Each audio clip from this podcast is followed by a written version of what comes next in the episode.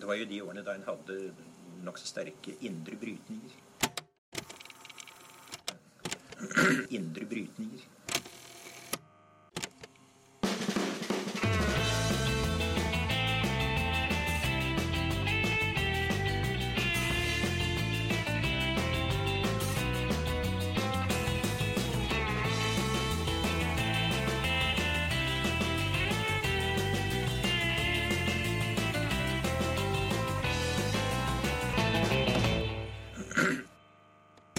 Velkommen til Noen har snakket sammen. Mitt navn er Tiril Russland Halvorsen. Og jeg heter Aksel Fjellavli. Em, hva er det vi skal eh, snakke om i dag, Aksel? Jo, vi skal snakke om eh, sosialdemokrati, da. Og denne, denne nye foreninga i Sverige som heter Reformisterna. Ja, som er dukket opp eh, inn, inni Sosialdemokraterne. Ja.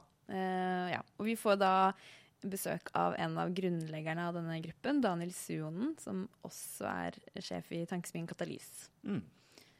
Men før det eh, så skal vi høre et lite klipp med eh, en som heter Evgenij Morozov, som Hilde i Tankesmien Agenda har vært og intervjua. Eh, Morozov han er skribent og forsker, och og snakker mye om teknologi og makt og sånne ting som det. Eh, og han ble også eh, kåra som en av de 28 mektigste europeerne i 2018 av eh, Avisa Politica. Ja. Mm. Og han er her i forbindelse med manifestkonferansen. Ja. Så hør på dette.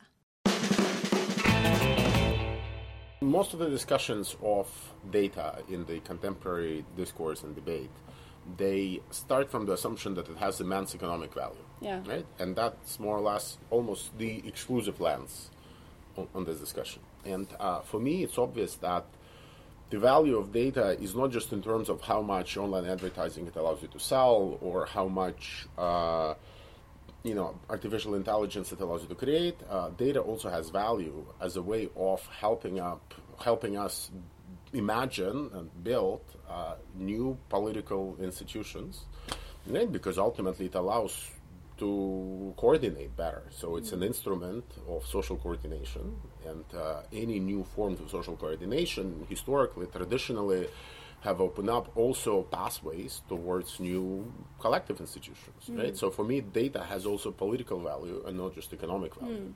Right? And that political value has to do, in most cases, I mean, it has more political value to a progressive project that is interested in constructing institutions and in constructing, you know, new forms of social coordination rather than to a conservative one, which is just interested in keeping things as they are. Mm. Right? And even though even there you can possibly imagine a dystopian future where extensive surveillance and accumulation of data will allow you to shape behavior in a way that will preserve things as they are. So, I mean, it has a very different political value to the right wing conservative project than to left wing progressive one. And starting from this premise that there is something in data that opens up these new pathways, uh, I do think that we should reject the easy temptation to view data as property, essentially, or as private property, which is the dominant conception uh, of those who are criticizing the current arrangement. Because in the current arrangement, data is nothing. So uh, uh, all the companies uh, that are big players in this field, uh, Facebook and Google especially, they prefer not to talk about it. So for them, data is something that almost does not exist because anybody can gather it. It's a resource that's abundant. Mm, There is no scarcity around it. It's almost a non-commodity for them. Uh, so that's why they don't pay for it, right? And so their critics, and many of them come from smaller startups or venture capital firms, they challenge that view, and they essentially want to have uh, raise the costs for Facebook and Google, and thus also maybe create secondary markets and so forth. So I reject that dominant conception, and I kind of try to suggest that if we manage to carve out a different um, ownership regime where you can have communities that establish a claim to the data, municipalities, neighborhoods, citizen associations, nation states potentially, then you can actually imagine uh, new types of um, institutions for you know planning the provision of public transportation services or the you know if finding ways in which the welfare state itself can be augmented if not reinvented uh, with that data. Because if that does not happen the path to follow would be just to outsource more and more functions that have traditionally been associated with the public sector to the uh, technology companies. We talked about common ownership of data, but do you also see the need for new business models? do you Uh, see the need for democratic ownership in companies? Would that help, you think? democratic ownership of companies can mean anything from being owned by municipalities to being owned by workers. So, Owned by uh, workers, for instance. Uh, well, under normal conditions, it would be uh, a reasonable, perhaps, strategy to pursue. But a company like Uber, in a ten years' time, might have no workers. You know, it will have a lot of investors in Saudi Arabia and a bunch of algorithms, and everybody else will be an independent contractor. Uh, Yeah. or there will be automated uh, uh, cars, which you know, which is kind of Uber's bet that they will be able to reduce costs just by automating the. So I mean, I.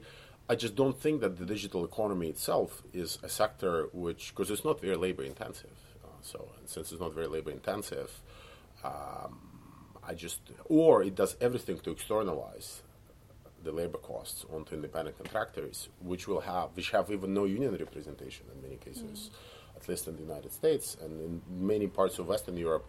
It's just not clear to me how that is going to work. So, Um, apart from common ownership of data, then what else um, is Mhm. the democratization that you are? uh, Oh, I mean, look, it's not I, actually data is, uh, I think, just a kind of a stepping stone uh, towards something because data, in the absence of embo- well, let's put it that way. So, data is a sufficient, is a necessary but not sufficient element in this puzzle. So, you clearly need to have a strategy for what you're going to do with artificial intelligence, and because data to some extent is an ingredient into it, Absolutely. but uh, to some extent there are other ingredients like chips, like uh, processing units, like uh, there are plenty of uh, semiconductors, and you know you need to have a talent pool of people who can actually uh, work with that AI. And right now that talent pool is very limited, and if you don't uh, produce it nationally, you'll have a very hard time attracting it from China or the United States, which is where they end up. So the strategy has to target the digital economy as a whole, and you have to imagine uh, what it currently produces mm. things like cloud computing, artificial intelligence, digital identity, and data. As essentially parts of infrastructure, mm. and that infrastructure is both political, in mm. that you can use it to reshape political and social life, but it's also economic, in that so much economic activity happens to it. Yes. because you can pick any institution even in Oslo and you will see that most of them now have their cloud computing done either by Amazon or Microsoft or somebody else. Once you imagine it, in, imagine it as infrastructure, you can start asking questions about its political economy. So who should own it?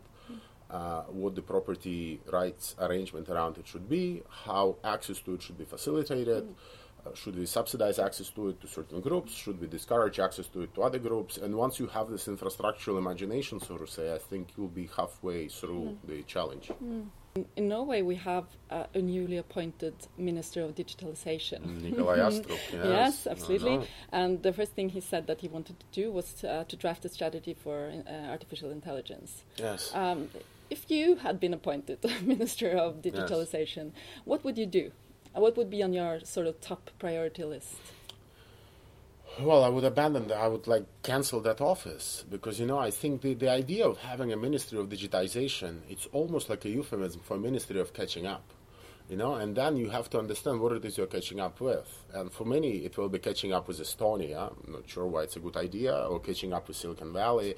But much of it will be catching up with trends that we think have been embraced better elsewhere and you know much of my agenda is the opposite. It's not about catching up. It's about traveling in the complete opposite direction. But that opposite direction is not towards some kind of anti techno uh, technological arguments of you know let's just go and i don't know li- live in the forest and abandon artificial intelligence and data altogether. But it's figuring out how you can rearrange them to make it work better for the economy. But clearly you cannot do that unless the entire political orientation of your government uh, does not aspire to re- reorient the economy from reliance on you know finance and real estate and you know well I mean your oil but your oil also relies on finance so I mean you need to have a political project to which you can then attach a digitization strategy, but that digitization strategy has to make sense within the contours of that project,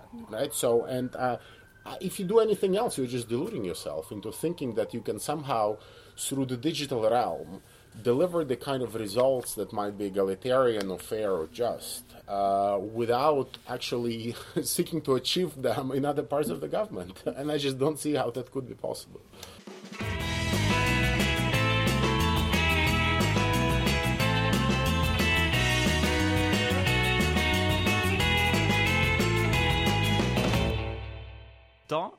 Sitter vi her i studio med Daniel Suonen, som er eh, leder for tankesmia Katalys, som vel ligner ganske mye på Manifest i, i Norge. Eh, og også en av grunnleggerne av noe som heter Reformisterne. Og det, det skal vi snakke om, eh, snakke om her, i, her, i, dag. Eh, det har jo blitt en slags eh, serie, nesten, eh, i podkasten her å snakke om eh, svensk politikk. Vi har hatt Håkan Bengtsson fra Arena som gjest her tidligere. Um, Snakket mye om det svenske valget. Ja, det har jo vært litt, uh, litt kaos og uh, fram og tilbake. Men uh, vi skal snakke om, om, reformisterne. Kan ikke du forklare oss hva er dette for noe? Ja, men först kul att vara här. Så här kan man väl säga att Reformisterna är en förening i Socialdemokraterna. Så det är liksom ingen utbrytargrupp eller någonting sånt, utan det är en, en, en förening, en organisation i Socialdemokraterna som det finns många olika, de flesta är ju med där man bor i sin lokala socialdemokratiska förening. Sen finns det ju kvinnoklubbar och SSU-klubbar och det finns eh, kristna socialdemokratiska organisationer och så.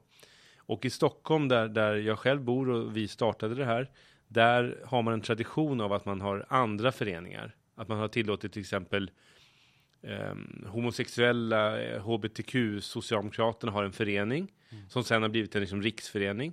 Man har eh, Socialdemokratiska föreningen för miljöfrågor, eh, för kulturarbetare, Kulturarbetarnas socialdemokratiska förening och så sen 70-talet.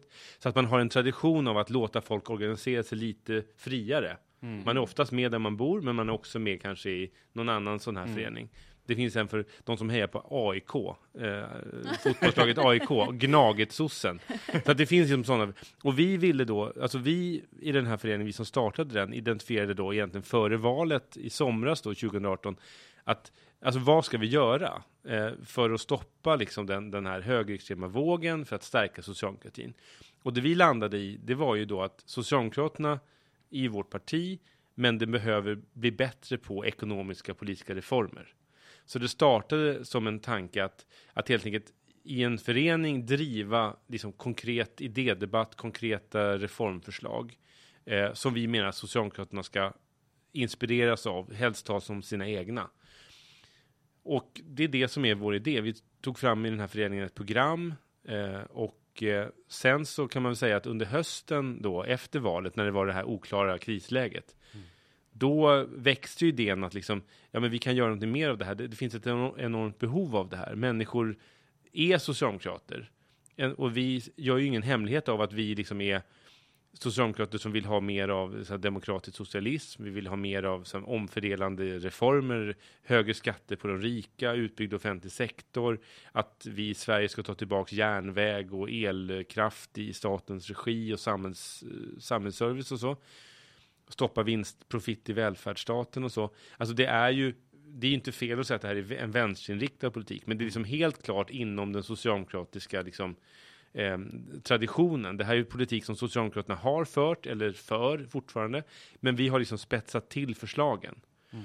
Och så tog vi fram då det här programmet, och sen bestämde vi oss för att liksom köra det som en liksom mer utåtriktad eh, aktion, liksom, som en förening för att ja, väcka liv i socialdemokratin och ge socialdemokrater möjlighet att diskutera de här politiska förslagen. Eh, och det har ju fått ett jättestort genomslag och jättestort intresse. Mm.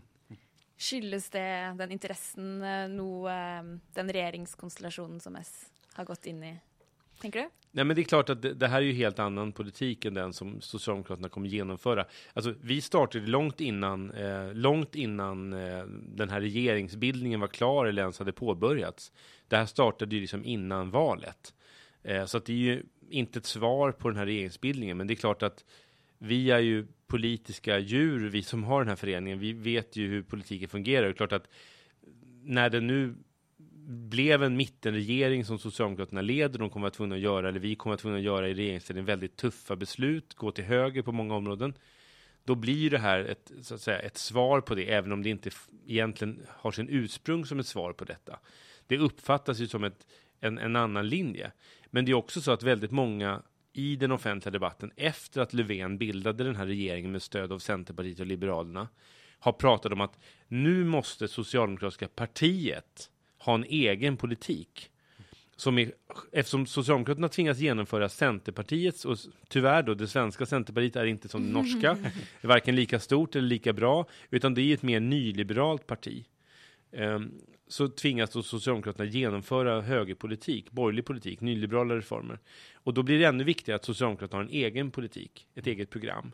Eh, och, och det, ofta har sossarna varit väldigt dåliga på att säga det här är vårt partis politik och det här är vad vi gör i regeringen. Mm. Och nu är det ännu större behov av att man delar på det. Mm. Och där blir reformisterna då ett, ett inslag i att socialdemokratin skulle kunna ha ett eget, ett eget liv utanför regeringskvarteret. Så det upplevs inte illojalt eh, på något måte? Det är mer något som ledelsen önskar välkomment? Alltså jag tror att, alltså, man får skilja på utåt och inåt. Alltså, jag tror att det finns de som tycker det här är jättejobbigt. Jag tror att det finns många i ledningen som tycker, vad fan är det här? Och, oj, har de tusen medlemmar, 1100 medlemmar? Det är som Sveriges snabbast växande, absolut Sveriges snabbast växande. Och vi är väl Sveriges största förening då i socialdemokratin.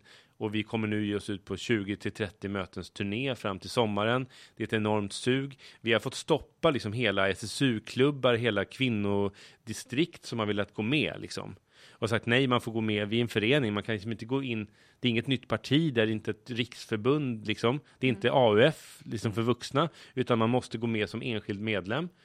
Men vi kommer ju säkerligen, tror jag, värva många fler hundratals, kanske tusentals medlemmar när vi är ute och, pratar då i landet.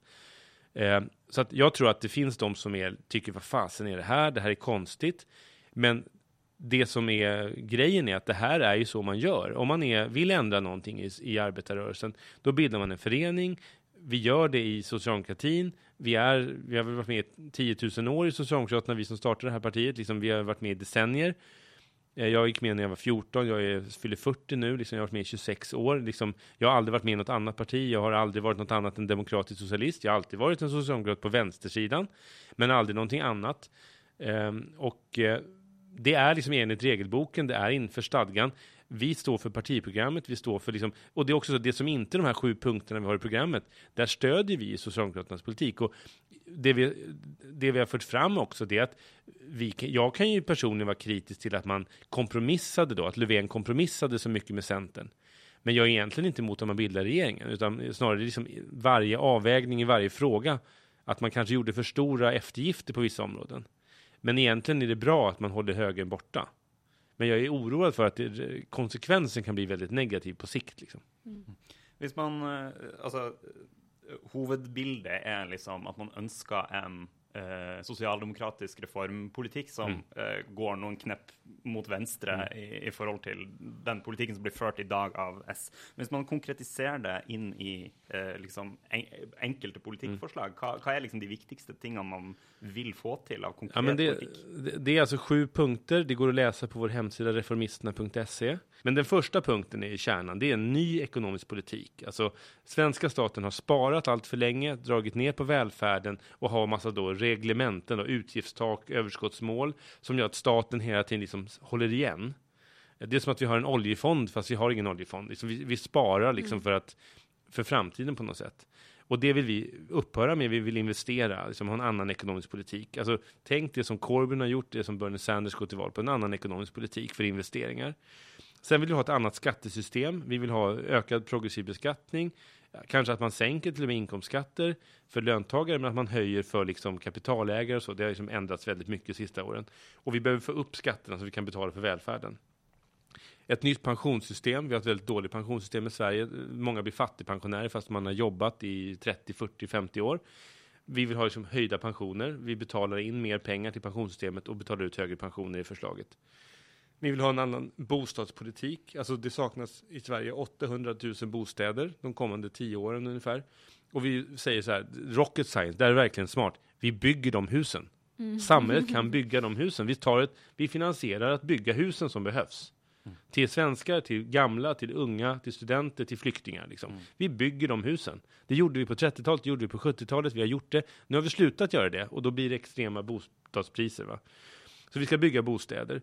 Vi ska ha en regionalpolitik som gör att vi har platt eh, regionalskatt. För att idag har man högt skatt där man har sämst välfärd. Och, och, och, och lägst skatt där man har bäst välfärd. Så vi som eh, platt kommunalskatt. Och egentligen så, så tror jag att vi vill att man kanske ska förstatliga sjukvård och skola. Och ta tillbaks det. Vi har en väldigt här, arbetslivspolitik där man ska stärka facken och i, införa 35 timmars arbetsvecka över 10 år. Och ge ökad möjlighet för företag att drivas av de anställda. Och den sista punkten, ni håller på att svimma här, stackars programledare. Nej, nej. Nej, nej, jag skojar bara. Det är sånt, liksom, man drar hela programmet. Liksom. Ni sa, kan du berätta lite kort om ert program? Och så gör jag det. Och sen bara, ni, på, ni måste sluta för dagen nu. Liksom. Nej, men och den sjunde punkten är liksom en enormt kraftig klimatomställning. Alltså att vi helt enkelt, staten stimulerar för klimatomställning. Liksom. Och där allt det här hänger ihop och det är uträknat, det skulle liksom funka som en statsbudget. Liksom. Men eh, jeg, må- jeg må spørre, og dette er jo et spørsmål jeg vet eh, dere har fått av flere i, i Sverige. Eh, når du sier alle disse tingene, så tenker jeg hm, dette ligner jo på Venstrepartiet. Eh, hvorfor, eh, hvorfor S fremdeles? Ja, men det är en väldigt bra fråga på många sätt. Jag förstår den. den ibland framförs den ju ganska bittert av vänsterpartister. Varför går ni inte med oss? Vi har redan tyckt det. Vi har tyckt det i hundra år. Ja, men vi var för demokrati innan ni blev det. För ni, var ju, ni var ju liksom för diktatur i 40 år i alla fall innan ni kom på det här med demokrati, vilket är liksom vår idé liksom från början.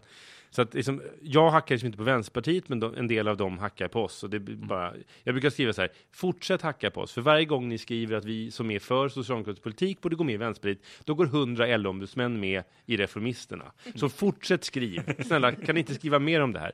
Nej, men så här, det är ju en rimlig fråga. Det är ingen hemlighet att mycket av det här ligger liksom nära Vänsterpartiets politik. Men några saker. Det första är att den ekonomiska politiken vi har i det här programmet är längre till vänster än Vänsterpartiets. Alltså den är radikalare, det är mer kraftfullt än Vänsterpartiet. Och Vänsterpartiet hade på sin kongress för något år sedan en stor strid om ekonomiska investeringar, att släppa överskottsmål, det här regel, regelverket kring budgeten. Och där vann den Vänsterpartiets partiledning och stoppade de här förslagen. Så de förslagen som stoppades av Vänsterpartiets ledning är ganska lika det som, som vi har i, i vårt förslag. Inte exakt i detalj, men så att Vänsterpartiet är till höger om oss i den ekonomiska politiken. Eh, sen kan man ju säga det andra som är självklart, det är att vi är ju socialdemokrater. Eh, och, och vi tycker att det här är helt normal socialdemokratisk politik, att bygga bostäder, att höja pensioner, vi liksom menar att detta är lösningen för socialdemokratin, detta är lösningen för samhället. Och vi tror också att socialdemokratin är det enda partiet som kan genomföra den här politiken. Vi tror liksom att, alltså om vi har i Sverige då, Vänsterpartiet har ungefär 9 procent i målingarna nu. De kanske får 10, de kanske får 12, de kanske får 15. Jag tycker personligen att Vänsterpartiet gör väldigt mycket bra. Men dels har de väldigt mycket identitetspolitik. De har väldigt mycket liksom fokus på liksom flyktingfrågor och flykting. Alltså, vi vill ju koncentrera oss kring den ekonomiska politiken. Vi behöver ju stärka vänstern och jag tror att liksom Vänsterpartiet, om de någon gång ska få genomslag för sin politik, ja, det är ju tillsammans med en radikal socialdemokrati. Så. Mm, Men la meg eh, følge opp én ting du sa midt inne i resonnementet eh, om, om Venstrepartiet. Du, eh, som jeg tolka det, så eh, sier du at de fører en, en eh, politikk som eh, inneholder en del identitetsspørsmål. de eh, fører en, en eh, liberal verdipolitikk. Eh, og eh, hvis man fremstiller den, poli den, den politiske konfliktskjema som eh, en høyre-venstre-akse, og så en Galtan-akse mm, på tvers av den. Altså eh, la oss kalle det liberal, autoritær eller eh, nasjonalistisk, eller hva som helst. Så er, plasseres da Venstrepartiet som et sånn gal-parti, altså globalistisk, liberalt osv. Eh, mens sosialdemokratiet plasserer seg kanskje sånn midt på, men litt på venstresida. Er det det rommet som er liksom mer sånn tradisjonelle, nasjonale verdier? Er det det rommet reformisterne söker å fylle? Alltså, det är också en väldigt bra fråga. Jag tror aldrig jag fått så bra frågor faktiskt. Eh, och det säger jag inte för att de är svåra att svara på, utan för att de är liksom mitt i prick på något sätt. Alltså, Sara Karlsson som är en av grundarna, hon satt i riksdagen för Socialdemokraterna hon har brunnit väldigt mycket för flyktingfrågor. Hon är liksom, och det gör hon. Jag har själv gömt flyktingar när jag var 25-årsåldern. Liksom, väldigt många av oss är ju humanister. Vi är liksom för en generös, i någon mening en generös flyktingpolitik. Jag är optimist. Jag tror egentligen att både Sverige och Norge och Danmark och andra länder behöver folk. Vi har plats för folk, vi behöver folk. Men det behöver också vara ett samhälle som funkar. Alltså, hade vi full sysselsättning, hade vi bostäder, hade vi en bra sjukvård, välfärd och resurser i välfärdsstaten, då skulle vi kunna, kunna ta emot fler flyktingar. Men om man inte har fixat det, alltså priset för den här tredje vägen, socialdemokrati och nyliberalismen är ju att staten har krympt ner, i alla fall i Sverige. Och då kan man inte ta hand om folk på samma sätt. Det är inte så att jag menar att vi inte har råd att ta emot flyktingar, men om, om välfärdsstaten eh, är svag eller försvagad och människor, framförallt arbetarklassen och, och grupper med mindre ekonomisk makt, känner att jag har en dålig pension, min mamma har en dålig äldreomsorg, skolan för våra barn är inte riktigt bra, men vi kan ta emot väldigt många flyktingar. Liksom, man har ju skapat the, the perfect storm för liksom högerpopulismen, därför att det finns brister på riktigt. Det är inte en känsla, det är inte en födelse, utan det är en riktig det är brister i välfärden. Det är gropar i gatan på Ljungstorget i världens rikaste huvudstad. Det är jättestora gropar. Jag höll på att snubbla här när jag skulle gå ut från Arbeiderpartiets hus i morse. För att det är en stor jävla grop där, liksom, där antagligen ett helt badkar med vatten kan vara. För ni har inte råd att laga gatorna. Varför har inte Ost och stad råd att laga gatorna? Jo, därför att vi ska ha besparingspolitik och liksom nedskärningar och så vidare. Va? Och i den där liksom miljön så, så, så tror vi att vi är för humanism, i princip generös flyktingpolitik, en orden, kontrollerad, ordnad flyktingpolitik. Den kan nog vara ganska hög och ganska stabil liksom över tid. Det skulle kunna funka. Men om välfärdsstaten krackelerar, om de här ekonomiska klyftorna blir för stora, då förstörs möjligheterna för människor att liksom acceptera den typen av invandring, tänker jag i alla fall. Och därför menar vi att vi vill ha fokus på jämlikhet, att få samhället att funka. Vi kan lösa det här. Vi har en plan för Sverige, en new deal. Liksom. Vi har en mm. idé om att vi kan fixa samhället. Och, och, när vi är på väg ditåt, hopp kan man kalla det, liksom, då kan man också, tror jag, härbärgera de här problemen eller utmaningarna eller nya människor i mycket större omfattning än idag. Men risken idag är att vi har, som någon skrev, politiker som pratar, alltså vänsterpolitiker, mitten vänsterpolitiker, som liksom pratar väldigt fint om inkludering och öppet samhälle och så här. Och sen kombinerar man det med ett brutalt jävla klassamhälle, skol, stora olikhet i skolan, i sjukvården, eh, fattigdom i, bland de gamla. Eh, det är i alla fall ett problem i Sverige. Jag vet inte om ni har det på samma sätt i Norge. Men liksom att man helt enkelt skapar enormt stora skillnader och att det blir liksom upplagt nästan som en matchboll för liksom Sverigedemokraterna, eller för de här högerextrema partierna. Så vi vill börja i den ekonomiska politiken. Mm. Sen är liksom, vi är för hbtq-frågor och jämlikhet och jämställdhet och allting, men, men det är liksom, det är inte vårt huvudfokus, för jag tror inte heller att, jag tror inte Socialdemokraterna förlorade valet. Man vann ju regeringsmakten, men man förlorade valet på att man hade en dålig hbtq-politik eller en dålig jämställdhetspolitik eller att man var för dålig mot, liksom, utan jag tror att man helt enkelt har tappat det för att välfärdsstaten är försvagad. Det, det finns ju en, en uh, internasjonal, uh, uh, nesten litt panisk debatt rundt sosialdemokratiet. med det franske sosialdemokratiet som har kollapsa totalt, andre land der det tilsvarende har skjedd. og det foregår liksom en debatt internasjonalt om, om veien framover.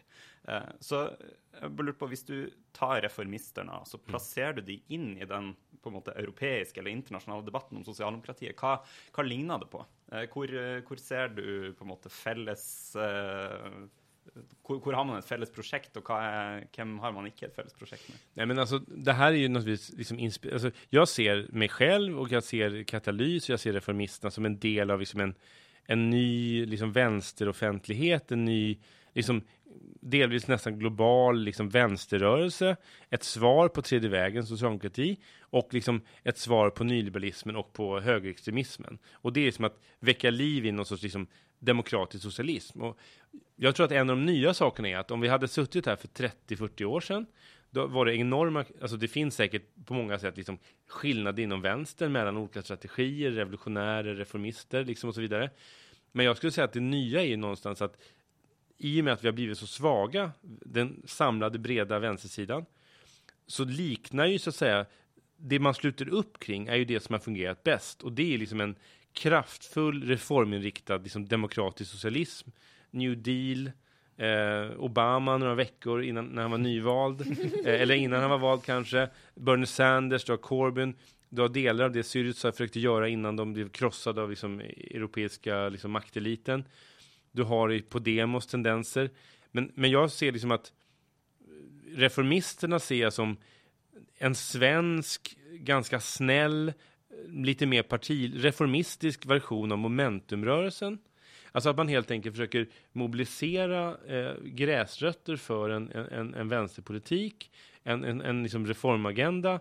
Och, och egentligen är det som att, att man ger egentligen kanske majoriteten av medlemmarna en möjlighet att liksom engagera sig för någonting de egentligen vill.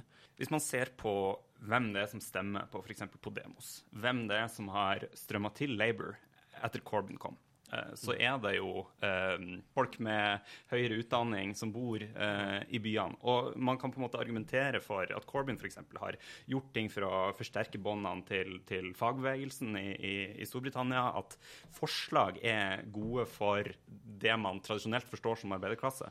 Men eh, sp spørsmålet blir er, hvor viktig er det at det man forstår som traditionell fagforeningsarbeiderklasse, driver fram denne politiken. För det har man ju inte fått till helt, varken med, med Podemos eller med eh, Corbyn. Jag tror att det är väldigt viktigt. Jag tror att om man ska hitta en skiljelinje mellan, så att säga, ta momentum eller ta Corbyn. Jag tycker Corbyn, jag tycker mycket bra om Corbyn, men jag kan väl tycka liksom att som politisk person så är väl han nästan en belastning, så att säga. Eh, han har ju en utrikespolitisk liksom ram som jag inte tycker är helt perfekt för en socialdemokrat. Han är väl nästan, nu är Storbritannien ett tvåpartisystem, vilket gör att liksom eh, liksom SV-folk och liksom rött skulle ju varit med i Labour så att säga, eller stått ut, alltså, så att det är klart att i, i Labourpartiet har man ju en annan, eh, långt till vänster om mig, liksom vänsterfalang eller liksom så fraktion, som är väldigt hard left, liksom gamla kommunister i princip, leninister. Och den jag tror ju personligen att går man för långt åt vänster, mm. då tror jag att man försvagar möjligheten att vinna val. Så jag är inte för att man ska liksom ta fram de röda fanorna och liksom ansluta sig till Komintern. Liksom det tror jag är helt fel. Utan det jag gillar med Labour är den här Dels att man försöker vara inkluderande, dels att man har tagit fighten med de här bleriterna som bevisligen är helt slut politiskt och att man har presenterat ett ekonomiskt program. Men det vi ska försöka göra i, i Reformisterna, det är att faktiskt bygga den här basen hos arbetarklassen, hos fackföreningar, i, i rörelser liksom. Och där tror jag liksom att både Arbeiderpartiet i Norge och Socialdemokraterna i Sverige har liksom grejen att våra partier är inte lika döda mm. som de här stora centraleuropeiska partierna är. De är inte lika elitistiska. Här runt Ljungstorget är det väl en hel del liksom högutbildade liksom akademiker som sitter i departement eller har suttit där så att säga. Men åker man ut liksom i Nordnorge eller Trondheim eller så Tröndelag, då är det ju liksom det är ju arbetarklassfolk och LO-folk som fyller Socialdemokraterna. Mm. Och för mig, och det är samma sak i Sverige, och de är, det finns ju fortfarande band till arbetarklassen på det sättet. Och där tror jag att om vi ska lyckas, då är det att, att reformisterna skulle kunna också väcka liv i, liksom, i, i de banden och vara liksom en, en rörelse också bland, inte bara bland liksom hipster som cyklar till jobbet med sin chia-pudding på styret och, och, be, och bebisen i, sin, i bärsele på magen liksom. Utan att man också vinner liksom de som kör bil, chaufförer, sjukvårdsbeträden, folk i Norrland, småbrukare, liksom att, man, att vanliga människor kan bli berörda av reformpolitik liksom. Det var ju en, en positiv och konstruktiv måte att avsluta det här mm. intervjuet på, syns jag. Så tusen tack för att du, att du kom hit. Tack så mycket.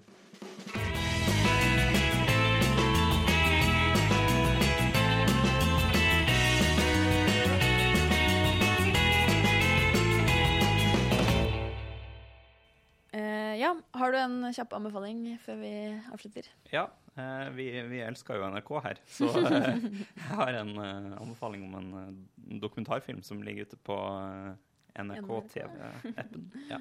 Den heter 'VM i framandbarbeid'. Eh, og er en dokumentar om arbeidsforholdene i Qatar i forbindelse med fotball-VM som skal arrangeres der snart. Og liksom det mest slående i den dokumentaren er det at man vet på en måte at de antagelig ikke får lov til å filme det som er skikkelig ille. Og likevel. Det Er det de, det, det er liksom det som Ja. står mellom linjene, som er det mest eh, slående. Mm. Eh, ja. Du sa jo at vi var glad i NRK, så jeg må anbefale en NRK-ting, altså. Eh, tidligere Afrikakorrespondent Tom Christiansen har eh, laget en podkastserie på seks episoder som heter Toms afrikanske fortellinger. Eh, og en av de hørte jeg i dag, og den eh, om en eh, fyr som måtte hente et eh, lik i Eritrea. Eh, veldig spennende og gøy å høre han fortelle om alle de årene han har vært i Afrika. Så jeg anbefaler den Ja. podkastserien. Bra anbefaling. Yes. Da sier vi takk for nå. Takk for nå.